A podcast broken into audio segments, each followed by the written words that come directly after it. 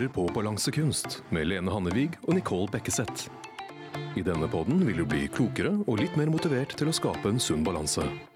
Lene og Nikki deler erfaringer og tips med oss lyttere, og du får høre inspirerende historier fra spennende gjester. I denne episoden så skal vi snakke om litt sånn forskjellige verktøy. Det fins jo veldig mange verktøy og apper og analyser, eh, og de fleste har sikkert hørt om BMI og midjemål. Men hva er det egentlig, og hvordan bruker vi det? Eh, Vi håper nå å kunne gi deg noen gode svar til deg som lytter nå på denne episoden her. Så Nikki, hva tenker du? Kan du forklare litt rundt eh, det med BMI? Ja, BMI er jo, hva skal vi kalle det, den store stygge ulven. eh, som alle har kjennskap til i en eller annen form. Og vi tenker det er viktig å nevne den her, for veldig mange kommer til oss og sier at åh, jeg må gjøre noe med BMI-en. Nå har jeg regna på sånn kalkulator. Hjelpe seg.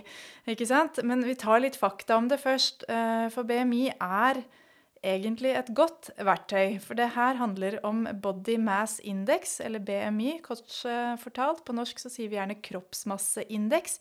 Og det er ikke noe mer avansert enn at det er en formel som indikerer om en person er over- eller undervektig, eller har normal vekt. Den formelen er ikke helt um, eksakt. Eh, For du kan jo få ulike BMI-verdier ut ifra hvilken kroppsfasong du har, uten å være overvektig, og det skal vi snakke litt eh, mer om. Men BMI regnes ut, kort fortalt, ved å dele vekta di i kilo med kvadratet av høyden din. Og da får du ulike eh, verdier ut ifra dette her, og det er jo denne eh, skalaen, eller disse ulike verdiene, da, som definerer om du er under eller overvektig. Normalvekt, Helene, hvor, hvor skal man ligge da på BMI-skalaen? Ja, det vi skal ligge på da, det er jo mellom 18,5 og 24,9. Da, eh, da har man en normal kroppsvekt. Så har vi jo da dessverre mange som ligger over der. Som, eh, er du overvektig, så ligger du da på 25 eh, fra, Eller mellom 25 og 29,9. Og da på 30 og over så har du fedme. BMI det er jo egentlig et veldig grovt eh, mål da, for eh, overvekt. Eller du kan måle det på den eh, måten der. Men jeg tenker jo òg her må man bruke litt sunn fornuft. Jeg er veldig opptatt av det der med trivselsvekt. Mange kommer til meg og sier 'hvor bør jeg ligge'? Men eh, jeg sier kjenn ofte på hvor du trives best, hvor du føler deg sunn og frisk. Mm. Og BMI er jo utvikla av, av myndigheter. ikke sant? Dette her er jo mest egna for å se på befolkninga som helhet. Eh, befolkningsstatistikken i forhold til eh, hvor befolkninga ligger eh, på vekt. Og det er ikke det ideelle analysen for enkeltpersonen. Dere er enig med deg, Lena, at her må vi snakke om noe helt annet. Ja, for vi er jo forskjellige. Altså, noen har eh, tung muskulatur. Og da kan du få en høy BMI uten at du egentlig er overvektig. Og andre kan ha normal BMI, og så det, består du da av ganske mye fett ikke sant? og lite muskler. Og, og jeg har bare lyst til å Jeg kom på en um, Jeg hadde kurs, og så var det en mann som kom inn. Han var bodybuilder. Og han begynte jo på kurs fordi han følte han hadde litt fett rundt maven som han ville ha bort. Eh, og han testa jo BMI-en sin, og han var jo sykelig overvektig. Men han var jo ikke det. Han hadde kun litt fett på maven som han da skulle få bort. Ellers så var det jo bare muskler. Så Mm. da blir det jo feil å bruke BMI, ikke sant. Ja, det illustrerer jo det veldig godt. Mm. At det blir, eh, blir feil. Men du ser jo også på samme måten så kan det være andre, andre veien. ikke sant? At du ser slank og normalvektig ut, Ja. eh, men så er det egentlig ikke det som er ståa. Og da har jeg lyst til å fortelle en annen episode fra kurs. Da det var um, ei høy, slank og flott dame som kom inn på kurs, og jeg så at alle de andre tenkte 'hvorfor kommer hun hit'? For det er jo ofte for å gå ned i vekt eh, den begynner på kurs. Og um, hun gikk jo ned i vekt og klarte dette her veldig fint. Vi blei jo godt kjent etter hvert og hadde en veldig fin eh, gruppe. Og vi fikk jo da greie på etter hvert at hun hadde hatt en sånn eh, bukoperasjon. Eh, når legen kom inn til henne, så satte han seg ned på sengekanten og sa du er nødt for å gjøre noe med helsa di. For de hadde jo sett da at det var masse fett rundt innvollene. Og eh, begge foreldrene hennes døde tidlig av hjerteinfarkt. Og broren hennes hadde, hadde, fått hjerteinfarkt, men ikke dødd av det. da. Så hun skjønte jo at det her var, jeg nødt for å gjøre noe. Så hun begynte jo på kurs og klarte å gå ned, og da mista jo også mye av det eh, viserale fettet, da. Ja, Og det syns ikke i det hele tatt på Nei. utsida. Det er ganske utrolig. Så eh, bare forklare også litt viktigheten at man ikke skal bli opphengt i BMI. Men det er jo en indikasjon på ting. Men man må jo se litt uh, selv òg. Består jeg av mye muskler her, eller er det mest, eh, mest fett? Jeg tror vi kjenner på det sjøl. Men ja. vi har jo da et annet uh, verktøy da, som kanskje er litt mer presist um, å bruke, og det er jo denne kroppsskanninga, ja. som bl.a. vil kunne vise hvor stor grad av viseralt fett eller bukfett en person um, har. Kan ikke du fortelle litt om uh, hvordan du bruker eller har brukt uh, kroppsskanning, Lene? Ja, jeg har jo brukt det mye tidligere. Uh, og det måler jo da vann og fett og muskelmasse i kroppen, og også det viserale fettet, da, som jo forteller veldig mye. Og så får man da ut en metabolsk alder. Og det som er interessant da, det er jo at de som det, det, kommer veldig tydelig fram, da. Eh, og det, jeg tror jo det er det viserale fettet som egentlig påvirker den eh, metabolske alderen ganske mye òg. Eh, men i hvert fall Jeg hadde jo flere på kurs som tok denne kroppsskanninga. Og det var jo da kanskje noen som var i slutten av 40-åra, som da kom ut med en metabolsk alder på 82 år. Så det var jo ikke ja. veldig uh, hyggelig å være da på det kurset når de hadde fått greie på det. Altså Mange blir jo veldig lei seg. Ja. Men jeg tenker jo at det, her uh, må jeg gjøre noe når jeg opplever akkurat det der. Ja. Så sånn sett så er det jo fint å bruke en sånn kroppsskanning òg, da. Selv om man kan jo eh, snakke om hvor nøyaktig er dette her. Men det er en pekepinn, tenker jeg, på at man må ta, ta tak i noe her. Absolutt, det er en pekepinn, og du får kanskje et sånt slag i trynet, men det er kanskje noen som trenger òg, da. Ja. At da søren heller, det er såpass dårlig stelt eh, hos meg, ja, da må jeg virkelig ta grep nå. Og jeg bruker det òg som personlig trener, eh, nettopp ja. for å kunne følge progresjonen underveis. ikke sant? For det, kunder kommer til meg og sier at ja, jeg ønsker um, ha mindre fett på kroppen og mer muskler. Uh, det er ikke alltid lett å se det på utsida, uh, men kroppsfasongen endrer seg.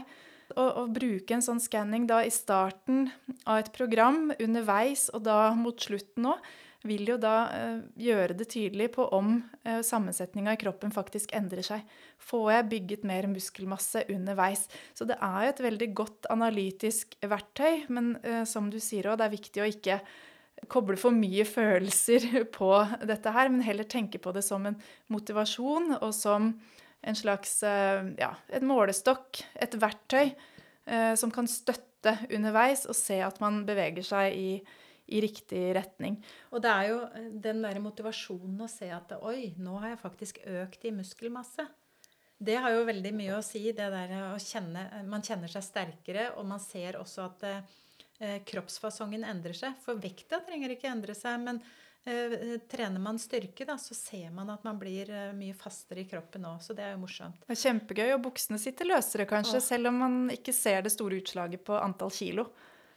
Så kan man jo òg selvfølgelig bruke vekta. Det er jo noe eh, Det er jo veldig greit sånn måleverktøy i det daglige. Men egentlig, jeg anbefaler ikke å gå på vekta daglig. Jeg veit at mange gjør det, men det blir sånn Jeg opplever at mange Eh, styrer dagen sin etter vekta. Altså Har du gått ned litt, da, så er de kjempeglade og fornøyd den dagen. Og så viser det litt opp, og skjønner ikke hvorfor det viser opp.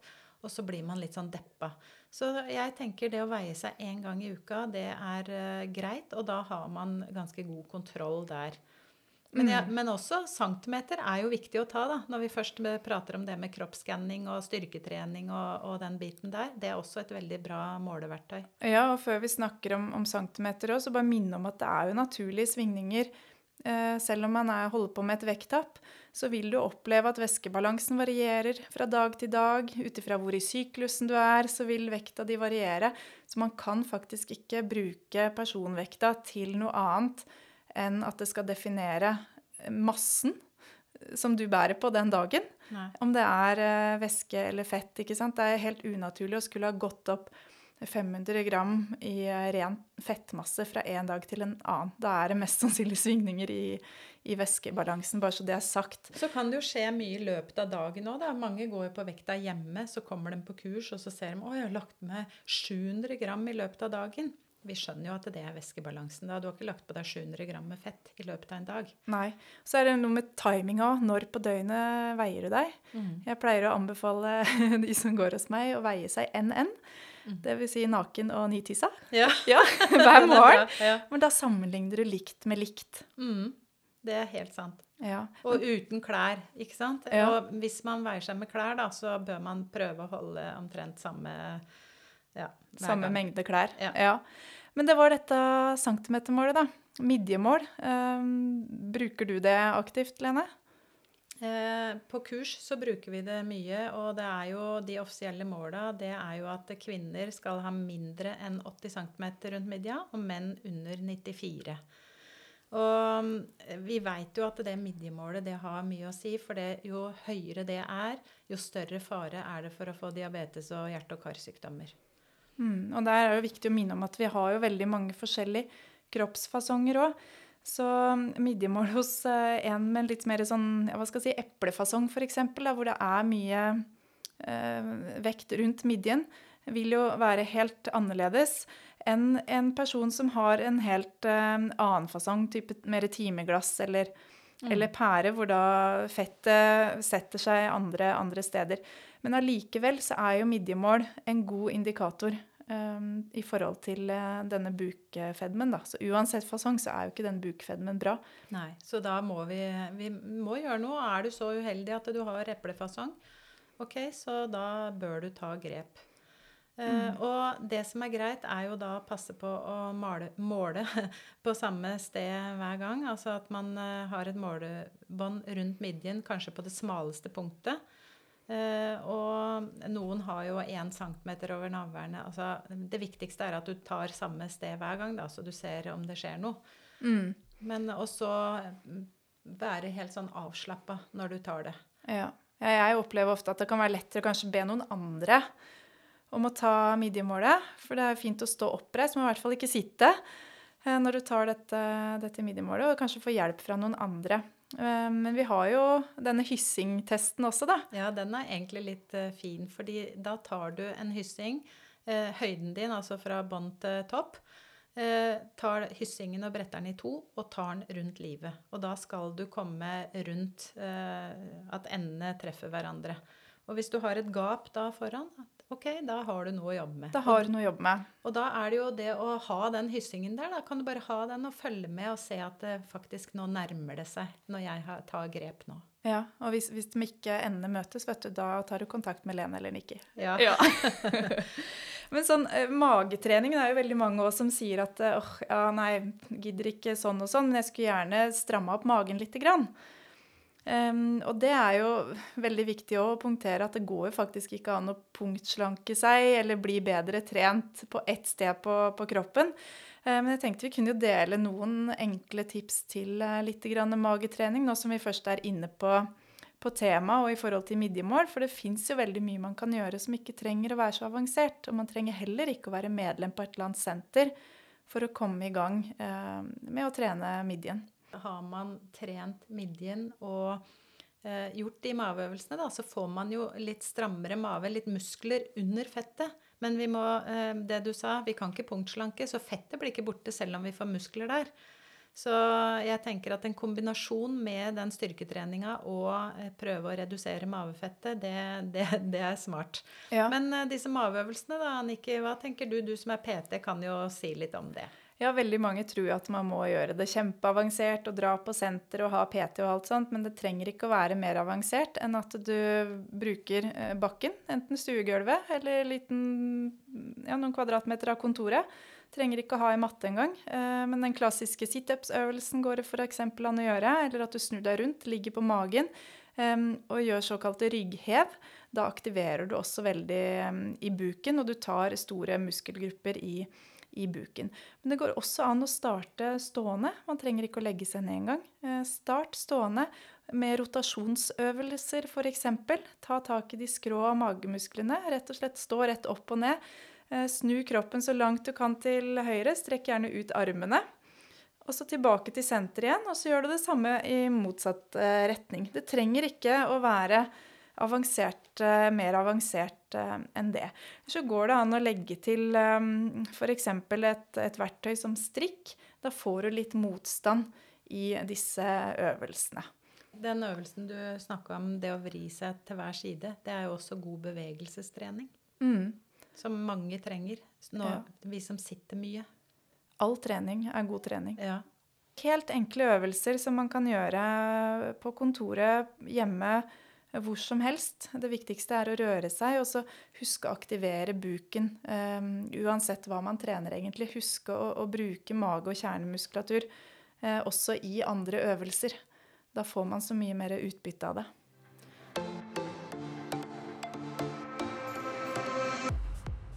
Så fins det jo veldig mange apper og klokker og sånn som vi kan bli motivert av.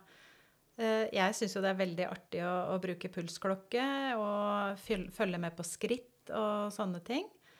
Og man blir jo veldig bevisst også på kostholdet. Eh, du kommer jo inn i en sånn god sirkel når du får på plass både treninga og kostholdet. Da, og, men det som er viktig, det er at vi skal ikke bare se på kaloriene. Vi må være opptatt av kvaliteten på maten vi spiser også, og sørge for at vi får inn alle næringsstoffene. Ja. Så da er det jo mulighet for å logge det ikke sant, og ha full kontroll der. Og vi som driver med det vi gjør, eh, Nikki, vi veit jo at det, det, er faktisk det som funker. Ja. Hvis du ikke logger, så skjer ikke noe heller. Nei. Det er eh, sånn det er. Og det er kjempemotiverende å se hvordan en app eller en klokke gir den store graden av bevisstheten. Folk får sett på livsstilen sin med helt nye øyne, kanskje. I hvert fall hvis man aldri har brukt det før. Uh, og jeg òg blir kjempemotivert av, av, den klokka. Jeg har sånne konkurranser gående f.eks. på antall skritt med noen venner. Uh, hvem får flest skritt den uka eller den måneden her? Helt lavterskel, ikke noe avansert i det hele tatt. Men eh, det blir faktisk litt sånn sosialt ut av det òg, og det tror jeg kan være veldig eh, motiverende.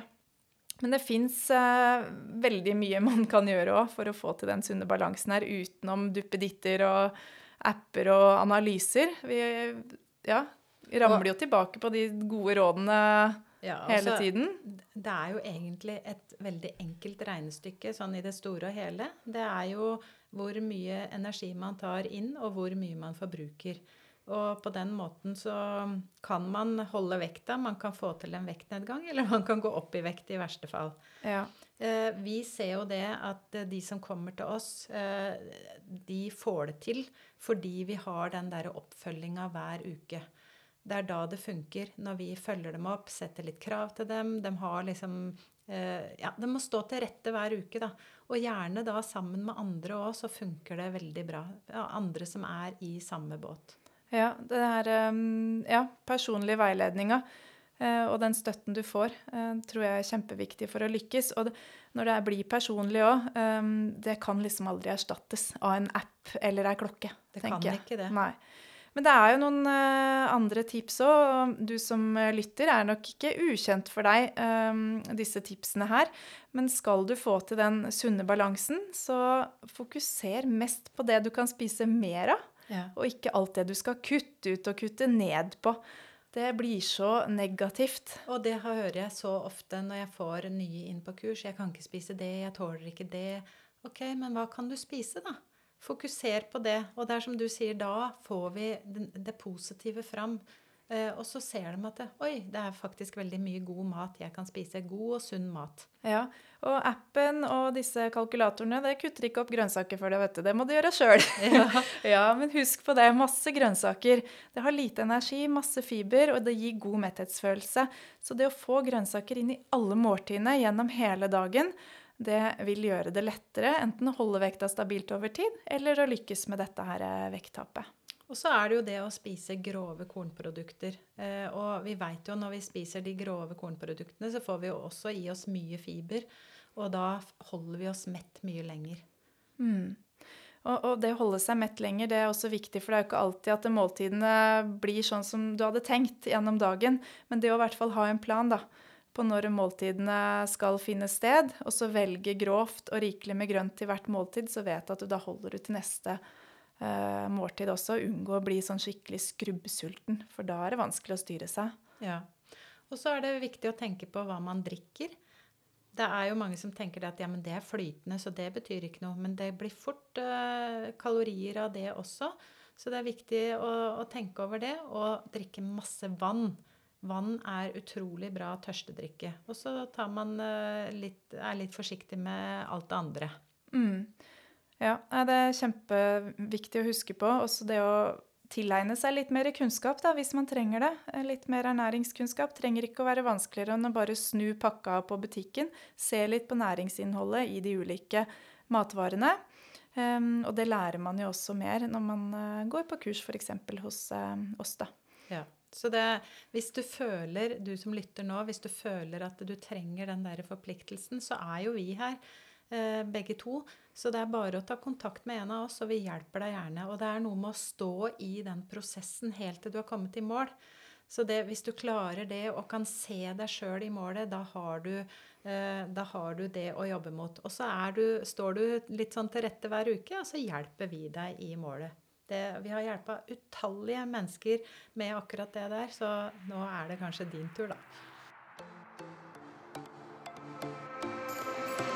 Du lyttet til Balansekunst med Lene og Nikki.